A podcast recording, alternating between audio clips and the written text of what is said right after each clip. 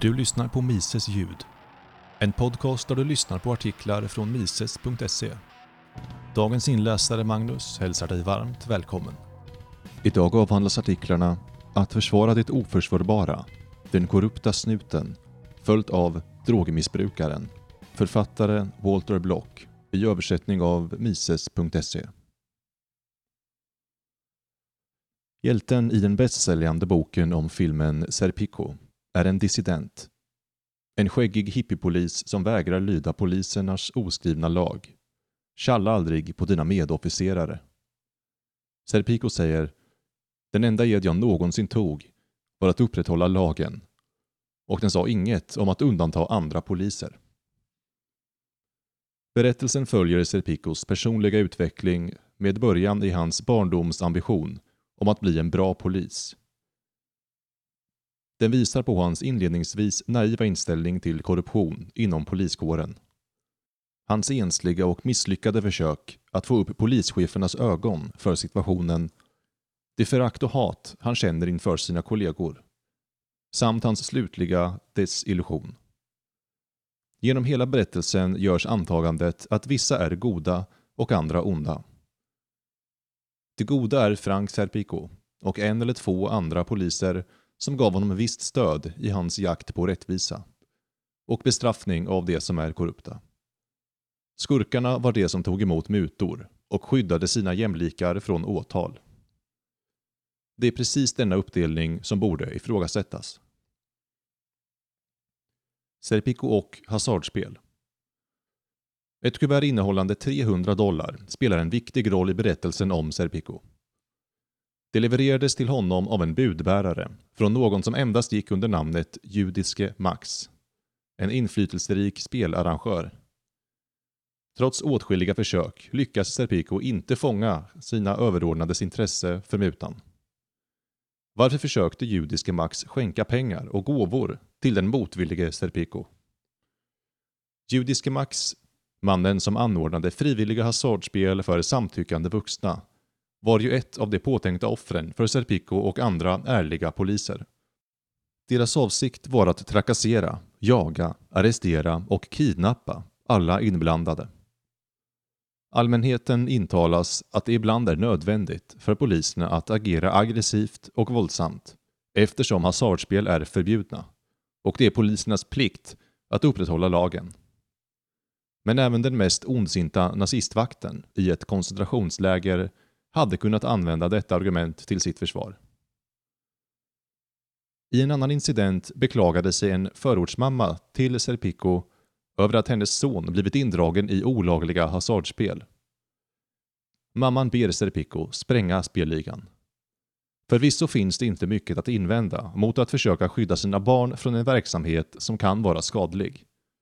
Dock är det ytterst tveksamt om man kan förbjuda en verksamhet som är legitim för vuxna bara för att ett barn kan vara inblandat. Lösningen i ett fall som detta ligger i att förhindra barn från att delta, inte att eliminera hela verksamheten. Sex, sprit och bilkörning bör knappast förbjudas för att det är skadligt eller farligt för barn. Serpico och drogroteln Serpico skadas så småningom vid ett försök att bryta sig in i en knarklangares lägenhet trots att hans edsvurna uppgift är att skydda medborgarnas rättigheter. Förklaringen till hans handling ligger naturligtvis i att narkotikahandel är förbjudet enligt lag. Och trots att Serpico har svurit att skydda enskildas rättigheter har han också svurit att upprätthålla lagen. I detta liksom andra fall där dessa två löften går emot varandra väljer han det sistnämnda. Bara det att han jobbar inom drogroteln visar på Serpicos övergripande lojalitet till lagen. Men ett förbud mot narkotikahandel leder till att priset på droger stiger, vilket gör det svårt för missbrukare att få tag i dem. Till följd av detta måste de därför begå fler och fler brott för att få ihop de pengar som krävs. Genom att förbjuda försäljningen av narkotika utsätts allmänheten för en brottsrisk. Att upprätthålla detta förbud vilket Serpico gör, är att betrakta lagen som viktigare än att skydda medborgarna. Serpico och sovande poliser. Mycket av det polisen gör är som sagt skadligt för allmänheten. Av detta följer att ju mindre aktiv polisen är, desto mindre skada kommer det åsamka allmänheten. Många poliser, kanske medvetna om detta, agerar på ett sätt som minskar farorna för allmänheten. De undviker sina arbetsuppgifter. Istället för att vara vaken och aktiv och inskränka folks rättigheter väljer många poliser att istället göra det enda rätta. Att sova på jobbet. Att slumra medan man sitter och spanar i tjänsten var något som Serpico avskydde. Serpico valde istället att upprätthålla sin ärade tradition av att styra över andra människors liv och var därför ute på gatorna och spanade under dygnets alla timmar. Han stoppade prostituerade, låg i bakhåll för hasardspelare och trakasserade knarklangare runt om i stan. Det går naturligtvis inte att förneka att Serpico också gjorde nytta. Han jagade trots allt våldtäktsmän, tjuvar, rånare, mördare och andra ofredande personer. Han var även omåttligt kreativ i sin brottsbekämpning. Han klädde ut sig till ortodox jude, hippie, slakteriarbetare, affärsman och narkoman. Klädd i kostym, slips, trenchcoat, svarta skor och vita strumpor strök han omkring på stadens gator och avtäckte alla dess hemligheter på ett sätt som ingen av hans kollegor lyckades med. Men Serpico kunde bara uppnå dessa prestationer i den mån han var villig att frångå lag och ordning. Ta fallet med en ung våldtäktsman. Serpico lyckades stoppa en pågående våldtäkt trots att hans kollegor inte ville undersöka de misstänksamma oljuden eftersom de kom från ett annat område än det de var satta att patrullera. Serpico ignorerade det resonemanget och insisterade på att utreda fallet. Han lyckades bara fånga en av de tre våldtäktsmännen. När han förde honom till polisstationen blev Serpico bestört över den brutala och ineffektiva behandlingen som våldtäktsmannen utsattes för. När fången var på väg att flyttas till en annan lokal gav Serpico honom en kopp kaffe och pratade vänligt med honom i flera minuter.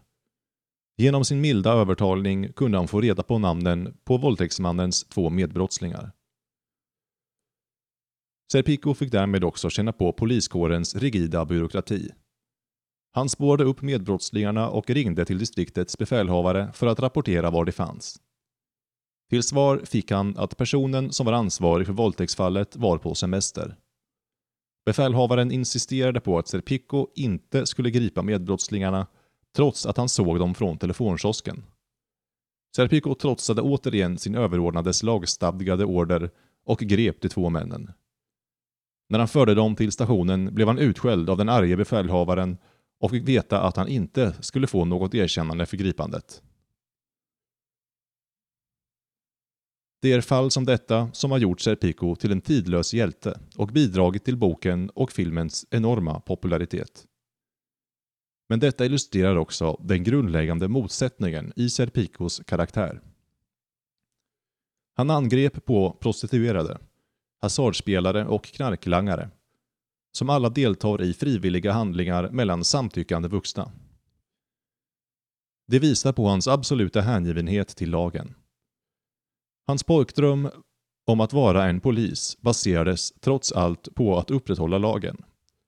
Men i fallet med våldtäktsmannen begick Serpico den goda gärningen enbart för att han var villig att bryta mot lagen. Samma princip har gällt i samtliga fall där hans beteende har klassats som heroiskt. När det gäller Serpicos kamp mot de andra normala poliserna, de han anser vara korrupta, finns det två typer av poliser. Dels finns det de som vägrar trakassera samtyckande vuxna som bedriver frivillig men olaglig verksamhet och som accepterar pengar från de individer som deltar i sådan verksamhet. Dels finns det de som kräver pengar från dessa personer i utbyte mot att lämna dem i fred. Förutsatt att dessa aktiviteter är legitima, om än olagliga, borde det vara fullt acceptabelt att ta emot pengar i det första exemplet att ta emot pengar kan inte logiskt skiljas från att ta emot en gåva. Och att ta emot gåvor är i sig inte olagligt. Det finns dock de som motsätter sig detta och hävdar att undantag inte får göras ens vid ogenomtänkta lagar. Att en liten individ inte borde kunna välja och vraka. Utan helt enkelt måste lyda lagen. Att låta någon bryta mot lagen är av nödvändighet ondskefullt, både i sig själv och på grund av att det kan leda till kaos. Men det är svårt att köpa idén om att ett lagbrott alltid är av ondo. Nürnbergrättegångarna borde om något ha lärt oss detta. Sensmoralen av rättegångarna är att vissa lagar är rakt igenom onda och att det är fel att lyda dem.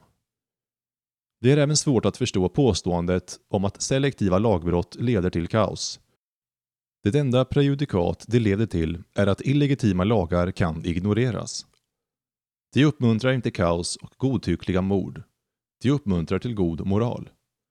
Om en sådant tankesätt hade funnits vid en tidpunkt då nazisterna kom till makten hade kanske vissa koncentrationslägervakter vägrat lyda order om att mörda oskyldiga offer. Slutligen är det nonsens om att ingen liten individ ska kunna välja vilka lagar som han ska lyda.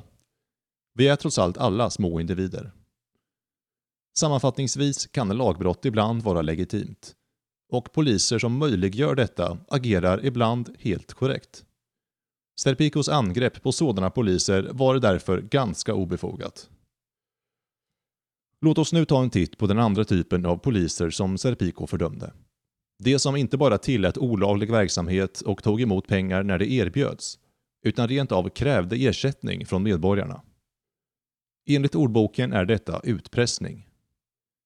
Att införskaffa något genom våld eller tvång, att få fram något med hjälp av fysiskt tvång, våld, hot, maktmissbruk eller olagliga medel, att införskaffa pengar, så som erövrare pressar fram betalningar av det som har besegrats. Utpressning ses oftast som förkastligt, med all rätta. Men innebär detta att det var rätt av Serpico att attackera de poliser som deltog i denna utpressning? Nej. För Serpicos beteende var ännu värre än utpressning. Det finns fyra olika sätt en polis kan reagera när en person begår en handling som är olaglig men fullt moraliskt. Han kan ignorera det, ta emot pengar för att ignorera det, begära pengar för att ignorera det eller stoppa det. Av dessa är det fjärde alternativet det minst önskvärda eftersom det ofrånkomligen förbjuder en moralisk verksamhet enbart för att den råkar vara olaglig. Hade Serpico varit en vakt i ett koncentrationsläger skulle han ha sett det som sin plikt att följa order om att tortera fångarna. Precis som alla andra ser lag och ordning som det viktigaste. Hade han varit verkligt konsekvent skulle han också ha känt sig tvungen att utrota korruption i lägret genom att tjalla på de lägervakter som 1. Vägrade följa order 2. Vägrade följa order och tog emot pengar från fångarna eller 3. Vägrade följa order och krävde betalning. Visserligen är det omoraliskt att pressa fångar på pengar för att inte tortera dem, men det är helt klart värre att inte ta deras pengar och istället lyda order och tortera dem. Att försvara det oförsvarbara. Drogmissbrukaren. Det pågår intensiva diskussioner om hur ondskefullt heroinmissbruk är. Och då är det bra att tänka på det gamla ordspråket två sidor av samma mynt.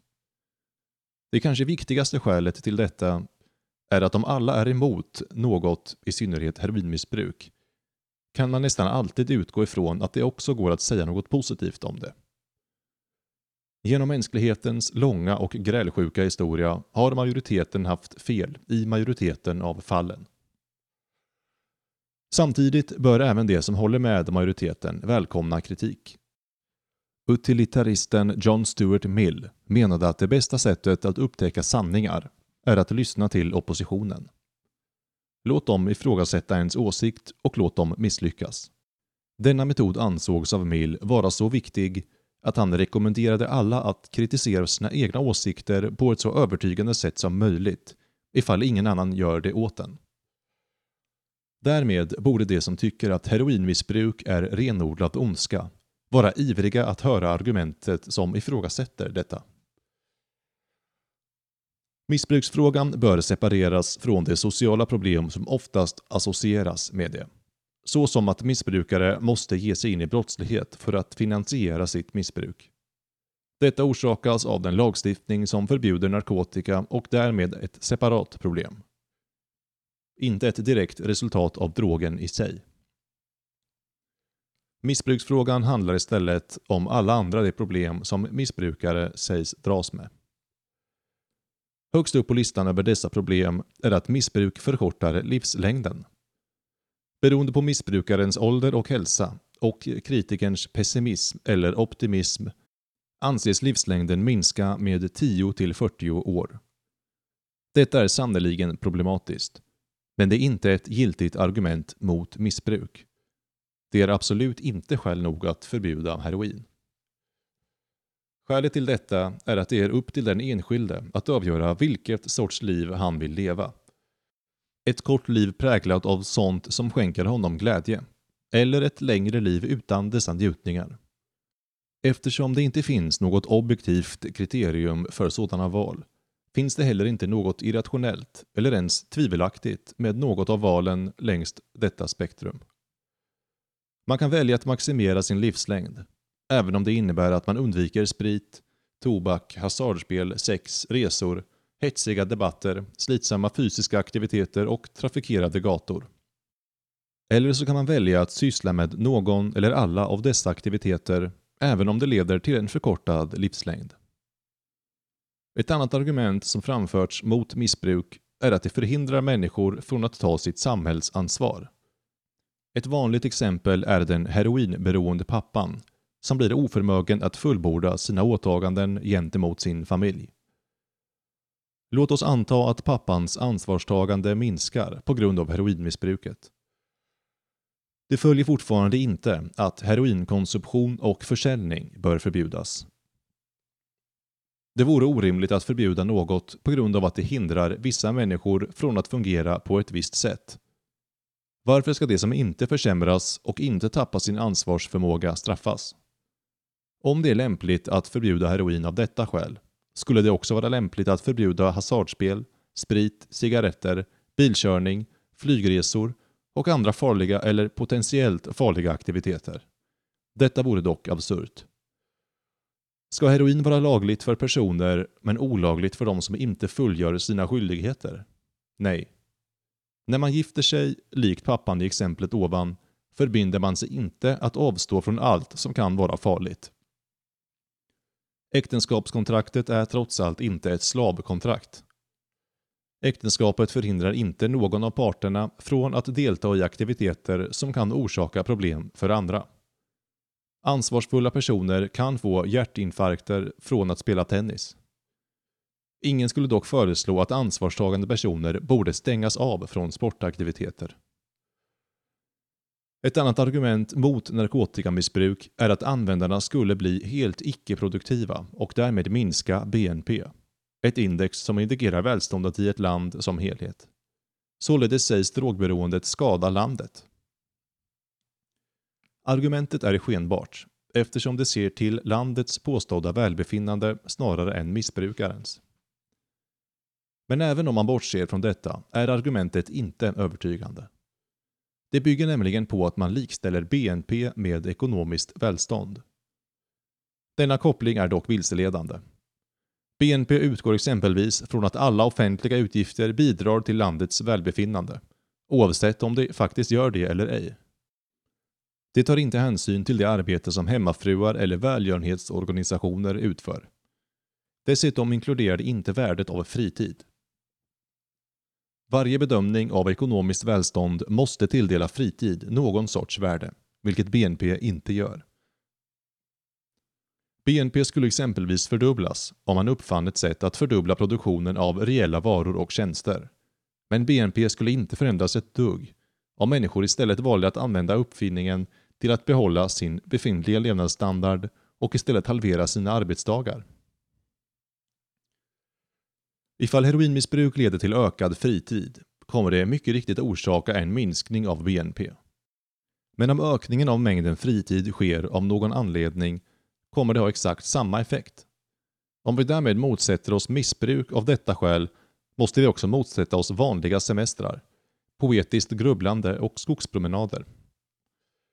Denna lista kan göras oändligt lång. Det är inget fel med att använda en högre välståndsnivå till att öka sin fritid. Om BNP minskar i och med detta så är det väl synd för dem som vill ha högre BNP. Avslutningsvis finns det ingen garanti för att missbruk nödvändigtvis leder till minskad ekonomisk aktivitet. Det vi vet om missbrukares beteende kommer huvudsakligen av studier av personer som på grund av drogförbud och därmed höga drogpriser måste ägna större delen av sin tid åt att samla ihop enorma summor pengar. De kan inte ha traditionella jobb eftersom det mesta av deras tid går ut till att mörda, stjäla och prostituera. Dessa bevis saknar därför betydelse för den här diskussionen eftersom vi fokuserar på de personliga problemen med missbruk och inte de sociala problemen. För att studera hur missbrukare beter sig när lagen inte hindrar dem från att vara produktiva måste vi vända oss till de få missbrukare som har turen att ha tillgång till en stabil källa av billigt heroin. Denna grupp består huvudsakligen av läkare som kan använda sina befogenheter till att förse sig själva med ett ordentligt lager. Den begränsade mängden uppgifter som finns om denna grupp tyder på att missbrukare som befrias från heroinförbudets tvång kan leva normala och produktiva liv. Den service som de levererar håller samma standard som andra läkare. Av allt att döma kan de hänga med i den senaste utvecklingen inom sitt område, upprätthålla en lämplig relation till sina patienter och fungera normalt i alla relevanta aspekter. Om heroin var lagligt skulle heroinister givetvis ha fortsatta personliga problem. Dels rädslan för ett eventuellt återförbud och dels den relativa arbetsoförmågan som innefaller just efter att drogen har tagits. Det skulle finnas en risk för överdosering, även om detta skulle minska vid en legalisering eftersom drogen kan injiceras under överinseende av en doktor. Spår av den gamla förbudsmentaliteten kan också leva kvar och leda till fördomar mot missbrukare. Det viktigaste är dock inte att missbrukare kommer fortsätta ha narkotikarelaterade problem även vid en legalisering. Specifika aktiviteter dras nästan alltid med specifika problem. Violinister är alltid rädda för att skada sina fingrar och ballerinor får inte skada sina fötter. Heroinberoende i sig är dock inte ondskefullt. Om det legaliseras kan det omöjligen skada någon annan än brukaren. Det må finnas de som motsätter sig det och vill utbilda och avråda från det. Men att förbjuda det är helt klart ett brott mot de som vill använda det.